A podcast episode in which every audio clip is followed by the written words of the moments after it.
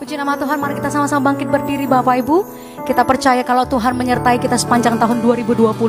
Tuhan yang sama, lebih lagi menyertai kita di tahun 2021. Engkau yang percaya dan percaya Tuhan Yesus baik bagi setiap kita. Kita berikan tepuk tangan yang paling meriah bagi Tuhan Yesus. Woo! Firman Tuhan berkata, kecaplah dan lihatlah betapa baiknya Tuhan itu. Berbahagialah setiap orang yang berlindung kepadanya. Haleluya.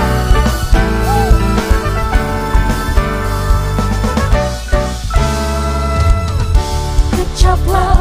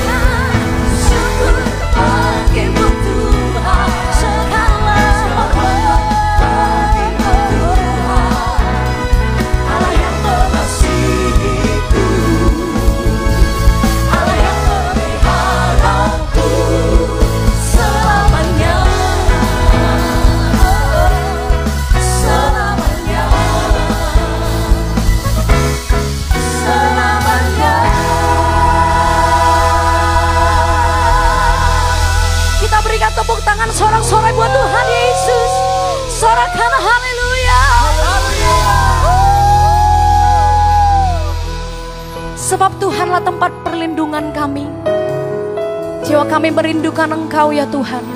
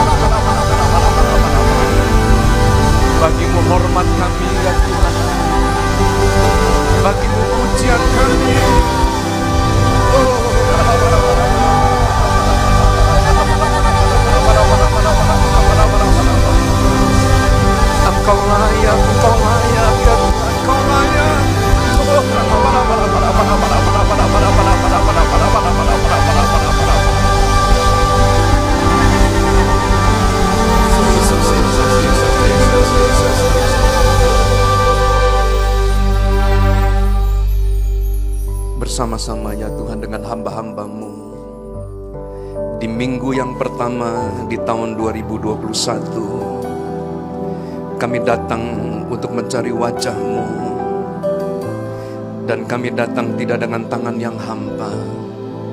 Tapi masing-masing kami datang dengan membawa korban ucapan syukur Yang mengalir dari hati kami yang paling dalam. We thank you and we thank you Lord. Kami berterima kasih Tuhan buat kebaikan dan kemurahan-Mu. Buat pemeliharaan dan perlindungan yang Tuhan beri Dan kami akui kalau kami ada sebagaimana kami ada saat ini. Semua itu semata-mata hanya oleh karena kasih dan karunia-Mu ya Tuhan. Oleh sebab itu di pagi hari ini mulai dari minggu yang pertama Kami ingin berjalan bersama-sama dengan Tuhan. Biarlah wajahmu ya Tuhan. Biarlah firmanmu Yang akan menerangi perjalanan kehidupan kami Dan kami menobatkan Engkau sebagai Tuhan dan Raja Sebagai pemimpin pelindung dan gembala yang baik untuk kami.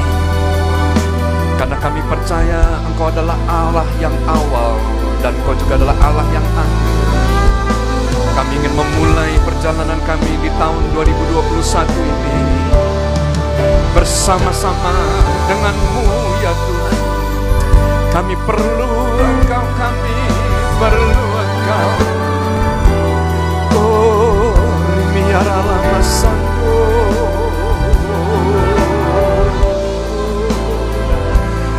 Shikina mata kara lama tu Yara lama sende Yara lama takara lama Sini ni ni ni Hana mata kara lama Roh Kudus penuhi kami penuhi kami Bukankah kau berjanji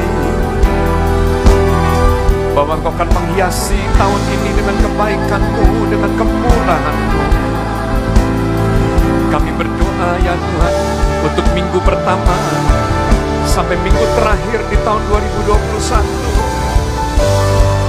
Engkau akan mengenyangkan kami dengan kemurahanmu, dengan kebajikanmu, dengan kebaikanmu, dengan musisatmu, dengan penghiburanmu ya Tuhan. Oh.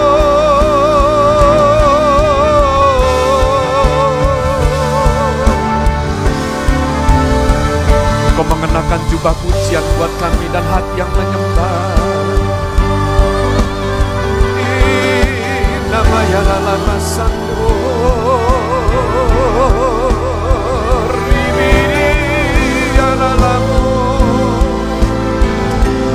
Mari angkat-angkat saudara Sembah, sembah Tuhan. Oh, dalam masa dalam We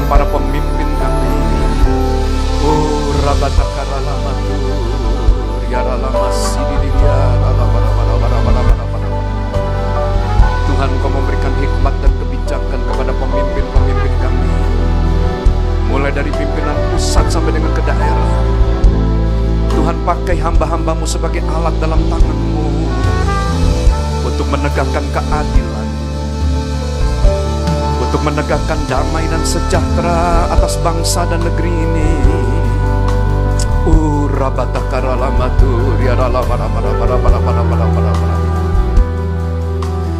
Dan hambamu berdoa saat ini. Penuhi kami Tuhan dengan hadiratmu. Jamah kami. Jamah kami. Jamah kami Tuhan dengan kasih-Mu. Jamah kami dengan damai-Mu.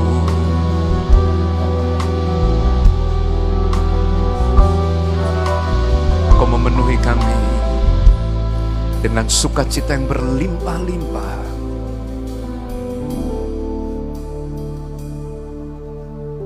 Dan biarlah saat ini kasih-Mu,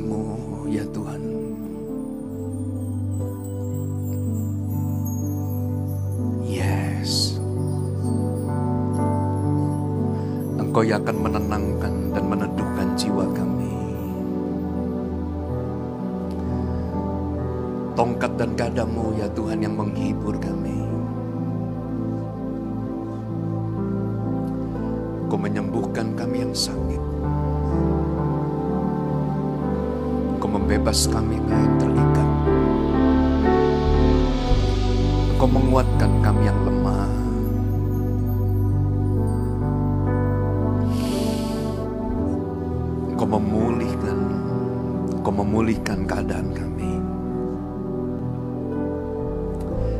Mari ya Tuhan bukakan tingkap-tingkap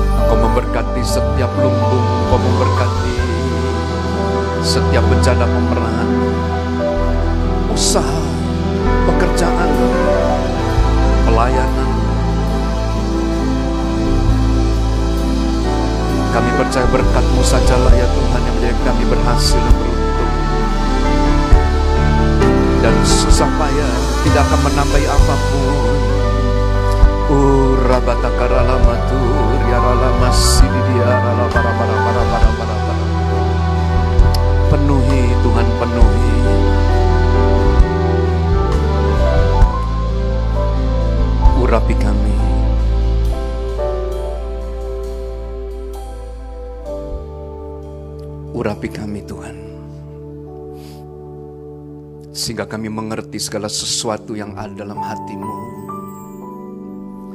Yang ada dalam pikiranmu.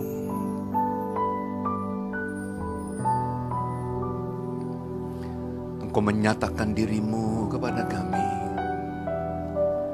Engkau mewahyukan kebenaranmu.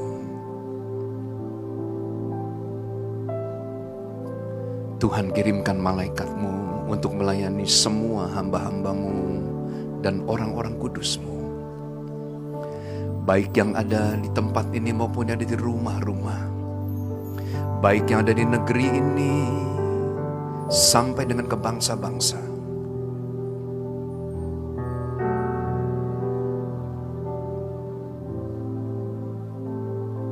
Ini doa kami dalam nama Tuhan Yesus. Mari yang diberkati bersama dengan saya katakan. Amin, amin, amin, amin. Mari kita berikan tepuk tangan yang lebih meriah lagi. Wuh. Silakan duduk Bapak Ibu. Nah shalom saudara-saudara yang dikasih oleh Tuhan.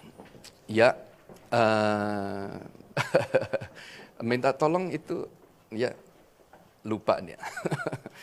Oke, nah sesuai dengan himbauan yang diberikan oleh Bapak Gubernur kita bahwa di tahun ini kita akan merayakan Natal dan Tahun Baru dengan cara yang berbeda. Nah, di tangan saya Saudara ini ada uh, bingkisan untuk anak-anak ya. Oleh karena pemerintah kita pada hari-hari ini nah memperhatikan anak-anak dan puji Tuhan kalau Pak Gubernur ini memiliki hati untuk anak-anak. Nah, oleh sebab itu kita membuat ada satu paket untuk anak-anak, ya paket ini hanya 75 ribu saudara. Jadi hanya kurang lebih 5 US dollar saja. Nah untuk satu paket dan kita mempersiapkan 2.500 paket untuk anak-anak yang kita bagi-bagikan. Yaitu untuk menambah semangat mereka di dalam uh, kembali untuk belajar dan kembali ke bangku sekolah. Nah Bapak Ibu yang dikasih oleh Tuhan, mari kita akan kembali kepada visi dan misi daripada gereja kita, bahwa tema daripada tahun 2021 adalah The Year of Righteousness. Dan dimulai dari bulan yang pertama, saudara, maka kita membuat tema bersama-sama dalam satu bulan ini Anda akan banyak mendengar, saudara, khotbah-khotbah, pengajaran-pengajaran, pewahyuan-pewahyuan tentang integrity and righteousness karena tema daripada bulan Januari ini adalah walk with integrity and righteousness. Nah saudara yang dikasih oleh Tuhan, kalau Anda melihat kata integrity, kata integritas di dalam bahasa aslinya, maka kata integritas itu diambil dari kata tom, yang berarti yang pertama terjemahan yang paling dekat dengan kata integrity itu adalah completeness, wholeness. Dengan kata lain, maka integritas itu berbicara tentang kelengkapan, tentang kepenuhan, complete. Tuhan Yesus, Allah yang kepada kita beribadah, itu disebut man of integrity. Nah, apa artinya, saudara? Artinya, Tuhan itu adalah pribadi yang sempurna, pribadi yang lengkap, pribadi yang utuh dan pribadi yang penuh. Nah, dengan kata lain, saya ingin menyampaikan kepada kita, jika seorang manusia, baik itu laki-laki atau perempuan, jika dia tidak memiliki integriti, dia tidak memiliki integritas, maka pada hakikatnya dia belum menjadi manusia yang utuh. Dia belum menjadi manusia yang lengkap masih ada sesuatu yang kurang dari kehidupannya. Karena tanpa integriti, tanpa integritas, saudara yang dikasih oleh Tuhan, kita tidak bisa menjadi pribadi yang lengkap. Saya bersyukur kalau pada tanggal 1 yang lalu Pak Edi telah menyampaikan kepada kita semuanya bahwa integriti atau integritas itu merupakan bagian daripada kebenaran. Karena kita berkata bahwa kebenaran itu adalah Tuhan itu sendiri. Dan integritas itu merupakan salah satu daripada bagian dari kebenaran itu sendiri. Nah, di dalam uh, bahasa aslinya, saudara, kata integritas itu diterjemahkan menjadi kata tulus atau kata rela. Nah, Bapak Ibu yang dikasih oleh Tuhan, terjemahan yang kedua ini ya mendatangkan berkat yang sangat besar buat kita. Tuhan pernah berbicara kepada kita, hendaklah kamu cerdik seperti ular, tetapi tulus seperti merpati. Nah, kata tulus itu merupakan saudara bagian juga daripada kata integritas, daripada kata integrity. Nah, Bapak Ibu yang dikasih oleh Tuhan, saya menemukan ada begitu banyak, ada begitu banyak pemimpin-pemimpin baik yang ada dalam dunia usaha maupun yang ada dalam dunia politik, memiliki kecerdikan, kepandaian, kepindaran, hikmat, kebijakan yang luar biasa. Saudara, kita banyak belajar dari apa yang dikatakan oleh Tuhan. Hendaklah engkau cerdik seperti ular, tetapi engkau harus juga tulus seperti merpati. Saudara mempelajari ketulusan itu tidak mudah. Kepandaian, kepintaran, kecerdikan kita bisa peroleh daripada pengalaman-pengalaman. Tetapi percayalah, integriti atau integritas itu hanya tumbuh pada waktu Anda berjalan dalam kebenaran. Dan pada hari-hari ini, para pemimpin baik yang ada dalam dunia usaha, baik yang ada kemudian di dalam uh, dunia pemerintahan, perlu memiliki integritas yang daripada Tuhan. Salah satu pemimpin yang legendary, yaitu pemimpin yang ada di China yang bernama Mao Zedong atau Mao Zedong. Saudara yang dikasih oleh Tuhan, dia merupakan pemimpin yang luar biasa yang dapat menyatukan seluruh daratan China. Tetapi, saudara, apa yang terjadi? Beliau memiliki kecerdikan, beliau memiliki kepandaian yang luar biasa. Tetapi pada waktu kemudian dia berhasil memenangkan uh, pemilihan daripada kepala daerah, kepala pemerintahan, maka satu persatu teman-teman baiknya, sahabat-sahabat teman perjuangannya satu persatu ditangkap dan kemudian mereka semuanya dibunuh. Dan tidak ada yang selamat. Saudara yang dikasih oleh Tuhan, banyak orang pintar. Banyak orang cerdik. Tetapi tidak banyak orang yang tulus. Kata integritas yang ketiga, sudah diambil dari kata, diterjemahkan menjadi kata honesty. Honest, jujur, adil. Bahkan lebih jelas lagi saudara, diterjemahkan dengan kata prosperity. Tetapi bukan berbicara tentang kelimpahan akan harta benda, tetapi integrity berbicara tentang morally prosperity. Kekayaan dalam hal moral.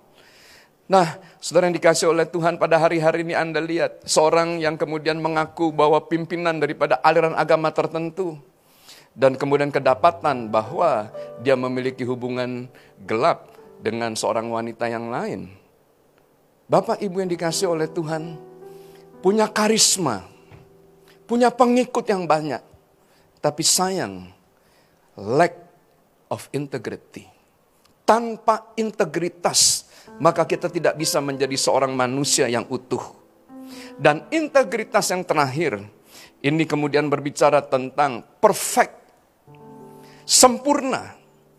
Nah dengan kata lain, saudara, pada hari-hari ini, nah kita kemudian akan dibukakan satu pengertian-pengertian tentang integrity. Nah mengapa kita memerlukan pengertian tentang integrity? Karena iman akan muncul dari pendengaran dan pendengaran akan firman Tuhan. Dan dengar baik. Saudara, firman yang tidak kita mengerti tidak akan kemudian bisa membangkitkan iman kita. Tetapi iman yang ditabur di tanah yang subur, dia akan bertumbuh dan berbuah 100 kali, 60 kali, dan 30 kali lipat ganda. Dan Alkitab mencatat, Benih yang ditabur di tanah yang subur adalah orang yang mendengar firman itu dan mengerti. Garis bawahi. Oleh sebab itu kita berdoa biarlah pewahyuan-pewahyuan tentang walk with integrity and righteousness dibukakan oleh Tuhan. Sehingga pewahyuan yang kita terima akan membawa kita kepada kesempurnaan. Dan doa saya, kita tidak tinggal diam dengan keadaan sama seperti ini. Tapi saya berdoa biarlah Tuhan akan membawa saudara. Tuhan akan mengangkat saudara masuk ke dalam kesempurnaan. Bisa katakan amin. Bisa katakan amin. Berikan tepuk tangan yang lebih meriah lagi. Sebab kasih setiamu lebih dari hidup. Kebaikanmu melimpah atasku. Jiwaku melekat kepadamu Tuhan. Betapa ku merindukanmu. Betapa ku merindukanmu. Betapa ku merindukanmu.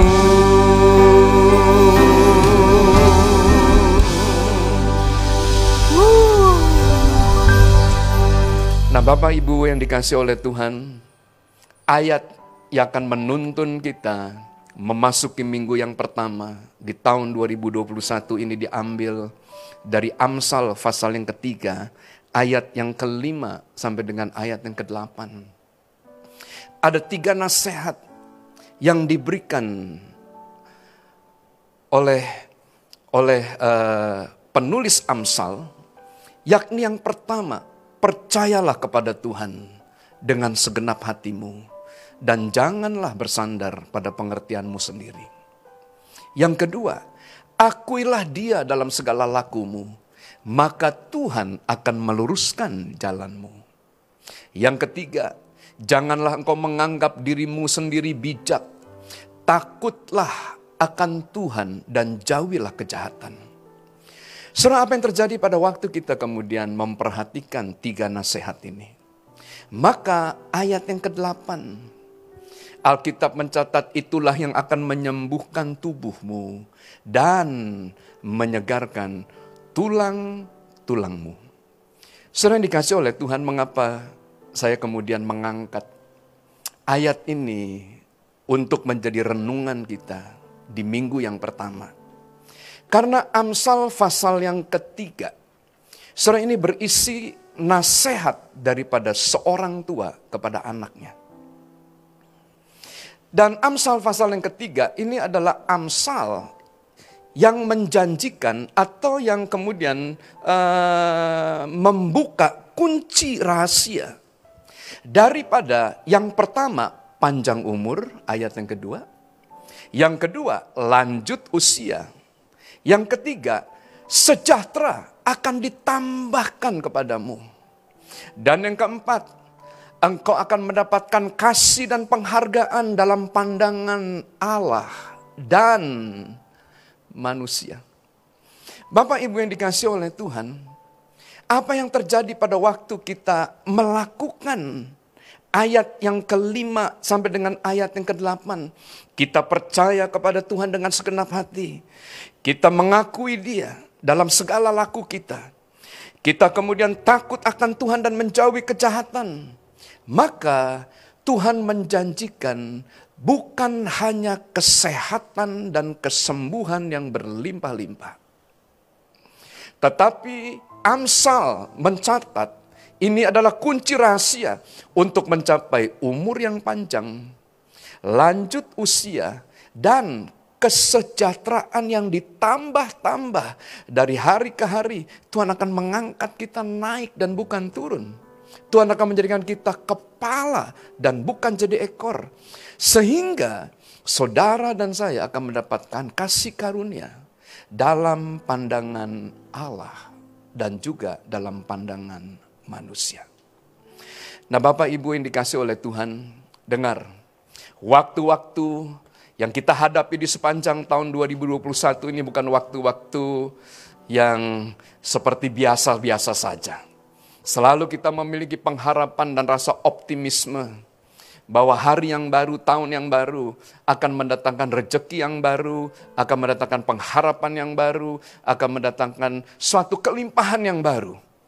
Tapi dengar, tidak demikian dengan apa yang kita hadapi pada hari-hari ini. Pandemi daripada COVID mengakibatkan goncangan terjadi di seluruh dunia. Ekonomi daripada dunia mengalami resesi. Dan Anda lihat semua sekarang berebut untuk memperoleh vaksin. Dan vaksin diperkirakan baru akan selesai sampai dengan pertengahan daripada tahun 2021. Dan diperkirakan mudah-mudahan COVID baru bisa selesai di akhir daripada tahun 2021. Di tengah-tengah keadaan seperti ini maka ada mutasi daripada uh, bakteri yang ada Yang kemudian saudara daya uh, uh, daya ininya, uh, daya infeksinya, nah ini bisa kemudian tujuh kali lipat dari apa yang ada. Bapak Ibu yang dikasih oleh Tuhan, segala sesuatu yang tidak pasti ada di depan mata kita. Tidak ada yang tahu. Even Anda lihat, hamba-hamba Tuhan, gereja Tuhan mengalami goncangan. Bukan hanya di pemerintahan saja, bukan hanya dalam dunia ekonomi saja. Saudara seolah-olah, saudara kita tidak tidak dibuat mengerti oleh Tuhan tentang apa yang terjadi. Nah, dengar baik. Pada waktu kita tidak tahu apa yang terjadi, apa yang akan terjadi, maka kita memiliki iman. Karena iman adalah dasar daripada segala sesuatu yang tidak kita lihat dan bukti daripada segala sesuatu yang kita harapkan. Ada seorang tokoh di dalam Alkitab yang bernama Daud. Nah, siapakah Daud? Daud ini adalah orang yang diberkati oleh Tuhan di tengah-tengah goncangan dan di tengah-tengah masa yang sukar. Dia pernah dilupakan oleh ayah dan ibunya pada waktu dia kecil. Ayah ibunya tidak pernah mengingat dia. Saudara, dia dihianati oleh mertuanya yang bernama Saul. Dan kemudian dia juga dihianati oleh anaknya sendiri. Saudara, betapa menderitanya kehidupan Daud. Seorang yang mengasihi Tuhan. Tetapi dia berkata bahwa kesusahan daripada orang benar itu sangat banyak. Dia pernah dibuang ke gua Adulam dan dia tinggal bersama-sama dengan orang yang susah, orang-orang yang dikejar hutang, orang-orang yang sakit hati. Dia pernah mengalami pandemi sama seperti kita. 70 ribu orang meninggal oleh karena kesalahannya. Tetapi Anda lihat, di tengah-tengah semua goncangan yang ada, di tengah-tengah pandemi yang terjadi, maka Daud disebut adalah orang yang berkenan kepada Tuhan. Dan tidak ada raja yang melebihi kebesaran daripada Raja Daud. Nah, apa yang dilakukan oleh Daud? Saudara yang dikasih oleh Tuhan, Mazmur pasal yang ke-73, ayat yang ke-25 dan 28, yang kemarin kemudian dinyanyikan oleh Pak Harahap. Satu lagu yang sangat indah, selain kau, tiada yang lain. Siapakah yang kuingini di surga selain engkau? Dan siapakah yang kuingini di bumi juga selain daripada Tuhan? Gol daripada kehidupan Daud. Saudara, dia tidak mencari popularitas. Dia tidak mencari kekayaan. Tetapi dia mencari kebenaran itu. Bapak Ibu yang dikasih oleh Tuhan. Daud ini memiliki satu obsesi untuk membangun satu rumah buat Tuhan. Mengapa Daud memiliki suatu kerinduan untuk membangun rumah buat Tuhan? Karena Daud adalah orang yang senang dekat dengan Tuhan. Oleh sebab itu dia membangun rumah supaya Tuhan mau tinggal bersama-sama dengan dia. Bapak Ibu yang dikasih oleh Tuhan, mengapa Daud terobsesi untuk membangun sebuah rumah bagi Tuhan dan rumah yang dibangun oleh Daud yang kemudian diselesaikan oleh anaknya itu merupakan rumah yang sangat besar. Orang bertanya, "Mengapa engkau membangun rumah yang besar?" Maka Salomo berkata, Aku membangun rumah yang besar karena Allah yang kepadanya aku beribadah itu juga adalah Allah yang besar. Bapak Ibu yang dikasih oleh Tuhan, Daud belajar dari sejarah. Daud kemudian melihat bagaimana cara Tuhan ini melangkah dan Tuhan itu memimpin umatnya.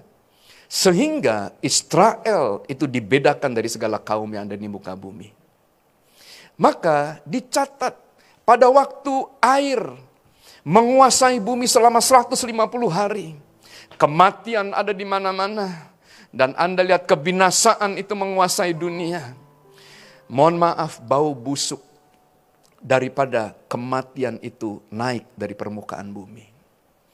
Maka kemudian setelah air pasang itu surut, maka Nuh keluar dari perahunya dan dia membangun mesbah dan dia membakar mesbah dia mulai kemudian mempersembahkan korban yang menyenangkan buat Tuhan.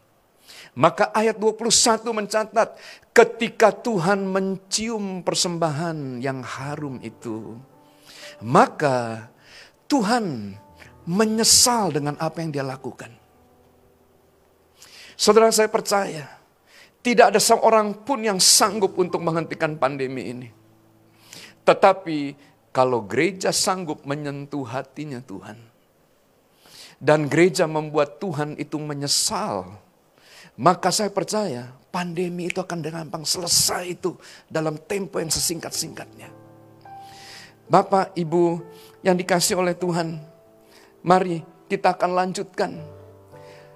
Maka kemudian Daud juga melihat pada waktu orang-orang Israel keluar dari tanah Mesir menuju ke tanah Kanaan. Saudara, mereka dalam keadaan lemah. Mereka adalah budak selama lebih 400 tahun di tanah Mesir.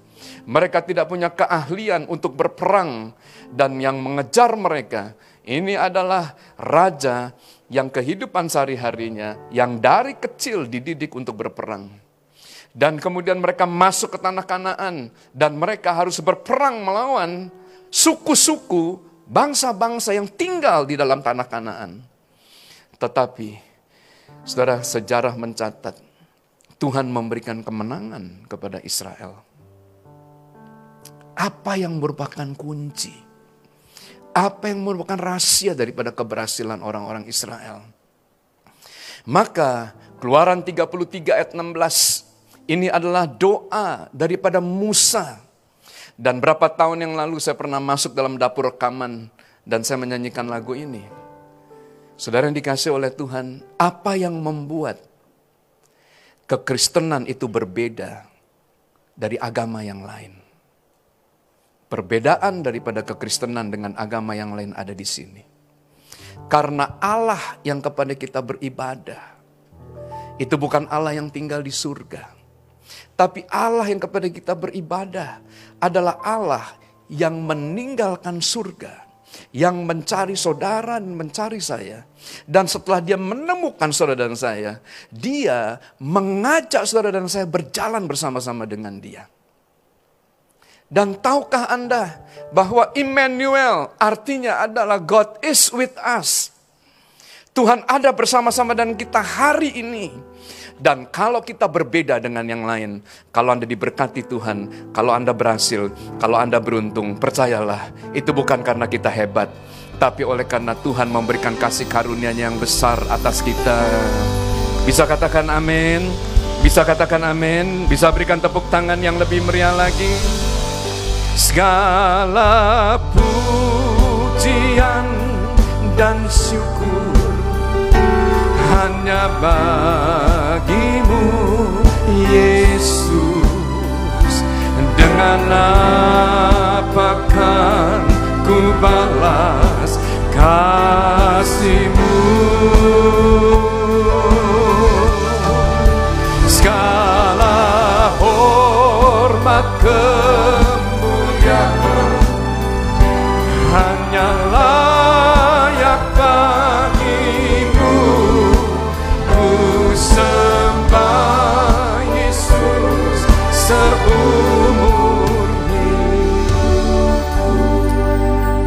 kita lanjutkan saudara Satu Tawarikh pasal 28 ayat 9 Ini adalah nasihat daripada Daud untuk anaknya karena pada waktu Daud berkata kepada Tuhan supaya Tuhan mengizinkan dia membangun sebuah rumah buat Tuhan. Tuhan berkata kepada Daud, bukan kamu Daud. Tetapi telah kupilih anakmu yang bernama Salomo. Dialah yang akan menyelesaikan pembangunan rumah Tuhan. Pada waktu Daud tahu Tuhan memilih anaknya. Maka kemudian Daud menasihati Salomo. Sama seperti Amsal pasal yang ketiga, Bapak menasihati anaknya. Daud berkata, dan engkau anakku Salomo, kenanilah Allahnya, ayahmu, dan beribadahlah kepadanya dengan tulus ikhlas. perfect heart dan dengan rela hati willing heart. Sebab Tuhan menyelidiki segala hati dan mengerti segala niat dan cita-cita. Jika engkau mencari dia, maka ia berkenan ditemui olehmu.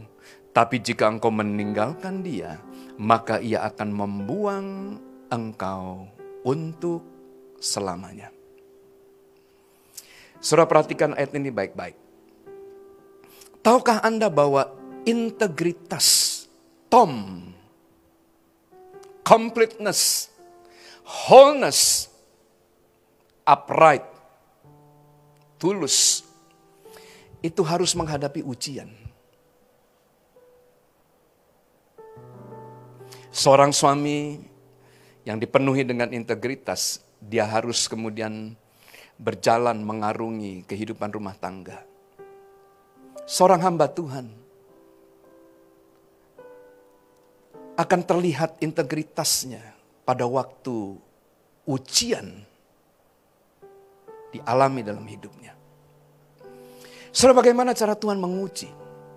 Cara Tuhan menguji Salomo yang pertama, Salomo diuji dengan kuasa, dengan tahta. Pada waktu seorang itu diberikan kekuasaan, di situ integritasnya akan terlihat. Dan hal yang kedua, saudara, maka Tuhan itu mulai menguji Salomo itu dengan hartanya. Mengapa dosa korupsi menguasai bangsa-bangsa dan Indonesia sebagai salah satu bangsa yang indeks korupsinya begitu tinggi. Nah, oleh karena pada waktu kemudian diuji dengan kekayaan, di sini saudara lihat kecerdikan. Nah, ini lebih dominan daripada integriti. Bapak Ibu yang dikasih oleh Tuhan dan yang ketiga itu adalah wanita. Saudara yang dikasih oleh Tuhan, dicatat bahwa Salomo adalah raja yang paling kaya. Tetapi kekayaannya tidak mengakibatkan kokohnya pemerintahan yang dia miliki. Karena pada waktu anaknya Rehabia memerintah, kerajaan itu pecah menjadi dua. Kekayaan tidak menjamin langgengnya satu kekuasaan. Hikmat dan kebijakan, kepandaian juga tidak menjamin langgengnya suatu pemerintahan. Tetapi integritas akan membuat kita berhasil di dalam pelayanan kita, di dalam pekerjaan kita, dan juga di dalam di dalam pemerintahan yang Tuhan percayakan kepada kita. Ada satu quotes yang bagus. The strength of a nation derive from the integrity of the home. Kekuatan daripada sebuah bangsa ini berasal daripada integritas yang lahir di dalam rumah. Saudara, oleh sebab itu maka di dalam satu Tawari 29 ayat yang ke-19 Daud bukan hanya menasehati Salomo, Daud berdoa buat Salomo. Dan dengar, Daud berdoa begini, dan kepada Salomo anakku berikanlah hati yang tulus sehingga ia berpegang kepada segala perintahmu dan peringatanmu dan ketetapanmu. Melakukan segala-galanya, mempersiapkan bait yang, dipersiap, yang persiapannya telah kulakukan. Bapak Ibu yang dikasih oleh Tuhan, saya percaya bahwa ini waktunya kita bukan hanya mengajar anak-anak kita saja, tapi ini juga waktunya kita berdoa supaya anak-anak kita dipenuhi oleh integritas. Supaya mereka utuh, supaya mereka komplit, supaya mereka penuh, supaya mereka sempurna. Nah bagaimana cara Tuhan kemudian menguji hati daripada seseorang apakah kemudian ada integritas dalam kehidupannya. Satu Tawari pasal 29 ayat ke-17. Aku tahu ya Allahku bahwa engkau adalah penguji hati dan berkenan kepada keikhlasan. Saudara yang dikasih oleh Tuhan, tahukah Anda setiap kali kita membawa persembahan, apakah itu persembahan pujian kita? Apakah itu persembahan, persembahan daripada daripada penyembahan kita, hidup kita, kekayaan kita, harta kita. Maka pada waktu kita mempersembahkan, yang dilihat oleh Tuhan bukan apa yang kita persembahkan. Karena Alkitab mencatat, Tuhan adalah penguji hati yang berkenan kepada integriti, keikhlasan, ketulusan. Oleh sebab itu Daud pada waktu dia membangun bait Allah, dia tidak membangun rumah buat Tuhan saja. Tetapi Daud membangun integritas. Karena setiap persembahan yang dia persembahkan, setiap kemudian sumbangan dan donasi yang kemudian dia berikan, maka dia menaruh integritinya bersama-sama dengan persembahan-persembahan itu. Saudara yang dikasih oleh Tuhan, saya akan menutup pada hari-hari terakhir. Maka Tuhan akan menguji orang-orang Lewi. Tuhan akan membersihkan gerejanya terlebih dahulu. Ia akan muncul seperti tukang pemurni logam dan sabun tukang penatu. Nah, siapa yang akan dikuduskan? Orang-orang yang ada dalam rumah Tuhan. Supaya kita memiliki integritas. Mata kita tidak hijau melihat kekayaan yang dimiliki oleh dunia ini, kekayaan yang dipercayakan oleh Tuhan kepada kita. Tetapi pada waktu kita dipercayakan kekayaan itu, maka kita mulai membangun integritas kita. Sehingga pada waktu kita mempersembahkan dengan integritas, Tuhan yang menguji hati dan pikiran kita. Dia berkenan kepada persembahan yang diberikan dengan tulus ikhlas. Karena Alkitab mencatat, hendaklah masing-masing memberi menurut kerelaan hatinya. Jangan dengan sedih hati oleh karena paksaan. Sebab Tuhan mengasihi orang yang memberi dengan sukacita. Bapak, Ibu yang dikasih oleh Tuhan, nah mari kita akan lihat pribadi-pribadi yang memiliki integritas dalam hidupnya. Pribadi yang pertama adalah Yusuf. Siapakah Yusuf? Yusuf ini adalah suami daripada Maria, ibu daripada Tuhan Yesus. Saudara, Yusuf adalah pribadi yang pertama yang dilawat oleh Tuhan pada waktu Tuhan datang pertama kali ke dalam dunia. Dan dicatat mengapa Tuhan mempercayakan dirinya kepada Yusuf. Karena Yusuf adalah a man of integrity. Dia memiliki hati yang tulus. Saya percaya mengapa Tuhan mewahyukan kepada kita tema yang luar biasa, walk with integrity and righteousness. Saudara, oleh karena pada waktu Tuhan datang kedua, saya percaya Tuhan akan mencari pribadi-pribadi yang seperti Yusuf, yakni orang-orang yang tulus hatinya. Saya berdoa biarlah kita membangun integritas kita, sehingga pada waktu sangkakala Allah ditiup, maka tidak ada seorang pun yang tinggal. Kita akan diangkat menjemput Kristus di awan-awan yang permai. Bisa katakan amin. Nah, yang kedua, mari secara cepat jemaat mula-mula Saudara dicatat bahwa mereka makan bersama dengan gembira dan garis bawahi dengan tulus hati. Apa yang terjadi pada waktu kemudian masyarakat yang dari sekeliling daripada mereka melihat tiba-tiba ada kelompok daripada orang-orang yang beribadah memiliki hati yang tulus. Luar dalamnya sama antara mulut dan hati sama. Perkataan dan perbuatan sama. Saudara pada waktu mereka menemukan ada jemaat yang memiliki integriti seperti ini. Maka tanpa disuruh. Tanpa ada gerakan apa-apa. Saudara dicatat tiap-tiap hari. Tuhan yang menambahkan jumlah mereka yang diselamatkan. Bisa katakan amin. Siapakah penuai-penuai pada hari-hari terakhir? Alkitab dengan jelas mencatat penuai-penuai pada hari-hari terakhir dalam malaikat. Dan pada waktu dia melihat saudara, saudara, saudara, saudara, saudara, dan saudara. Kita semuanya membangun integriti.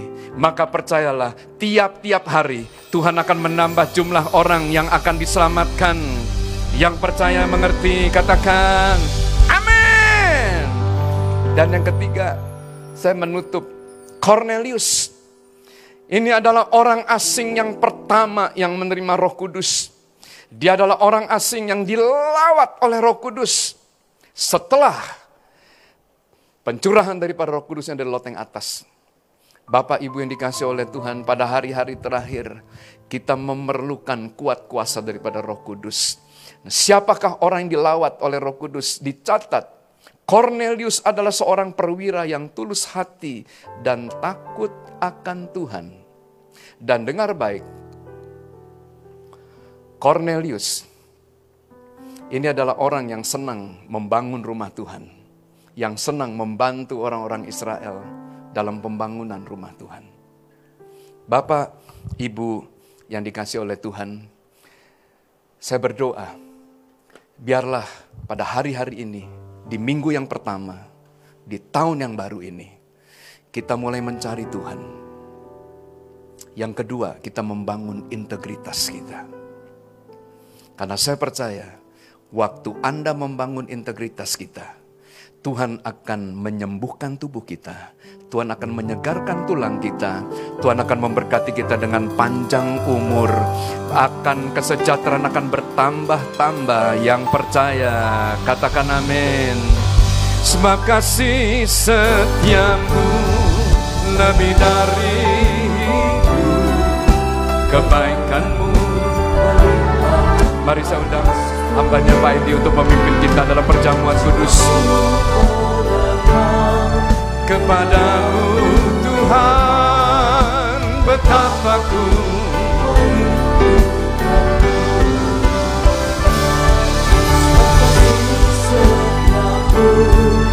lebih dari hidup kebaikanmu melimpah atasku jiwaku melekat kepadamu Tuhan. Betapa ku merindukanmu mari kita bangkit berdiri. Sebab kasih setiamu lebih dari hidup kebaikanmu melimpah atasku. Jiwaku kepadamu Tuhan. Betapa ku merindukanmu betapa ku merindukanmu betapa ku merindukan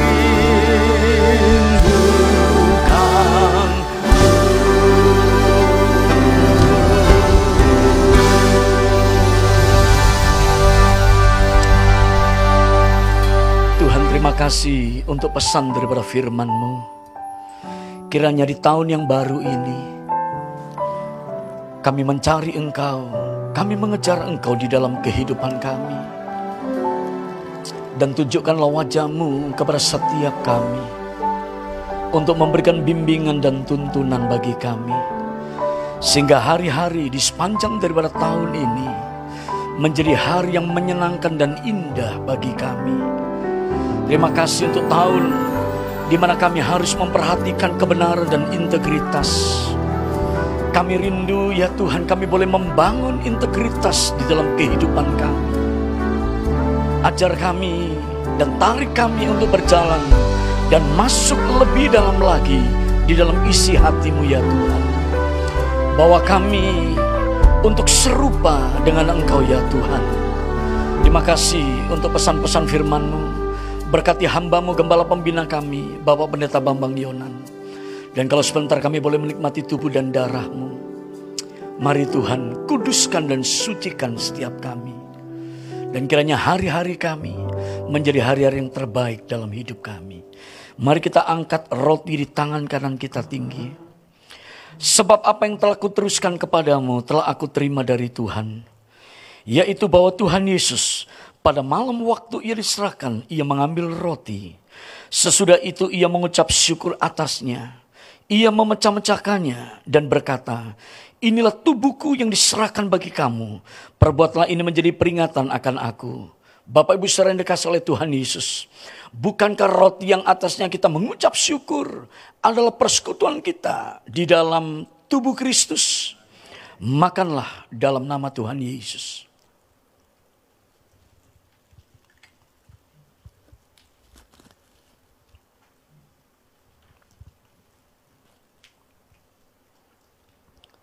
Mari angkat cawan di tangan kanan kita tinggi. Demikian juga ia mengambil cawan sesudah makan. Lalu Yesus berkata, cawan ini adalah perjanjian baru yang dimenteraikan oleh darahku. Perbuatlah ini setiap kali kamu meminumnya menjadi peringatan akan aku. Bukankah cawan yang atasnya kita mengucap syukur adalah persekutuan kita di dalam darah Kristus? Minumlah dalam nama Tuhan Yesus.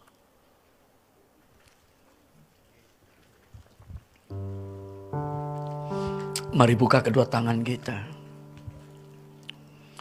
Ucapkan syukur kepada Tuhan. Terima kasih ya Tuhan.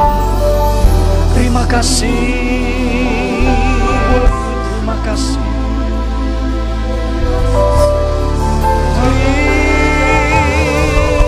Terima kasih. Kami bersyukur buat tubuh dan darahmu.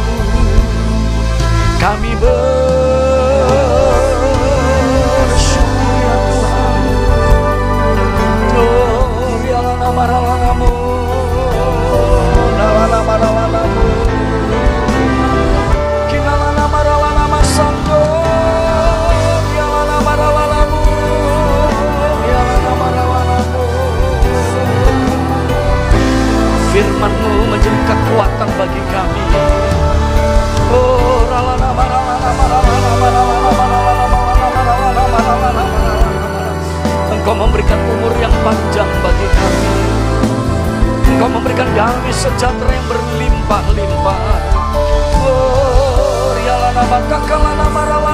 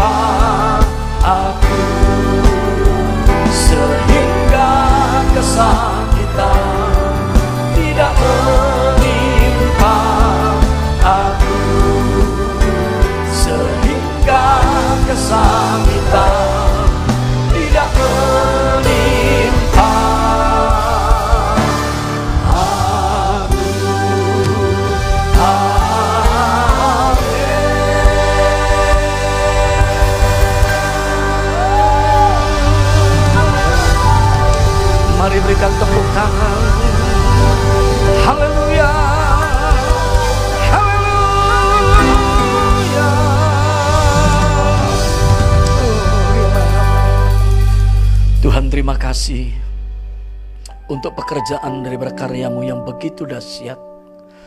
Terima kasih untuk gerejamu di tempat ini. Terima kasih untuk hamba-hambamu yang rela untuk mengerjakan pekerjaan-pekerjaan besar lewat pelayanan di tempat ini. Terima kasih untuk pribadi-pribadi yang mempersembahkan persembahan-persembahan untuk memuliakan akan Engkau lewat wadah di tempat ini.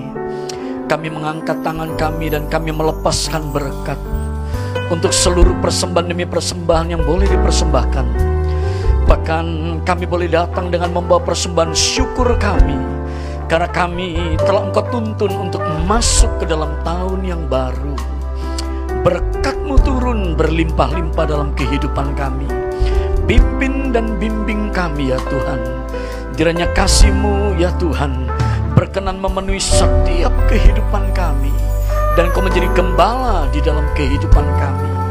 Terima kasih untuk panitia pembangunan yang bekerja secara luar biasa dan terus memperhatikan pembangunan pekerjaan daripada rumahmu di tempat ini. Terima kasih untuk para donatur. Terima kasih untuk pribadi-pribadi yang mempersembahkan persembahan bagi penyelesaian daripada pembangunan rumahmu di tempat ini. Kami bersyukur untuk semuanya ini. Terima kasih untuk hari ini. Bimbing kami untuk kami boleh melewati waktu demi waktu yang ada. Dan kiranya berkat di sepanjang minggu ini menyertai kami. Karena kami tahu Engkau menyediakan dengan penuh kelimpahan. Terima kasih kalau sebentar kami akan meninggalkan tempat ini. Bahkan kami yang berada di rumah kami masing-masing. Kami membuka sekali lagi kedua tangan kami. Berkatmu atas hidup kami. Bapak Ibu saudara yang dikasih oleh Tuhan Yesus. Kiranya berkat damai sejahtera Allah. Berkat kekuatan. Berkat kesehatan. Kesembuhan memenuhi kehidupan Bapak Ibu Saudara yang ada di tempat ini maupun yang ada di rumah-rumah dan berkat dalam nama Bapa Anak Roh Kudus akan menyertai seluruh pekerjaan usaha pelayanan kehidupan kita dari saat ini sampai selama-lamanya bersama-sama kita katakan amin. Nah Bapak Ibu Saudara yang dikasih oleh Tuhan Yesus kalau selama ini Anda mungkin mengikuti ibadah secara online di rumah, maka gereja di tempat ini memberikan kesempatan untuk Anda bisa kemudian mengikuti pertemuan ibadah di tempat ini dengan cara registrasi, dengan cara kemudian mulai mendaftarkan dan Anda akan diberikan nomor untuk tempat duduk karena kita tetap akan memperhatikan protokoler kesehatan.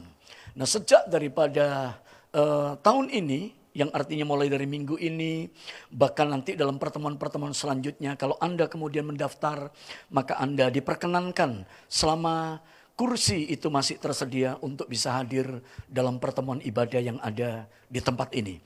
Mari kita tetap jaga kesehatan, tetap mengasihi Tuhan, dan kiranya Tuhan memberkati dengan berkat yang berlimpah-limpah.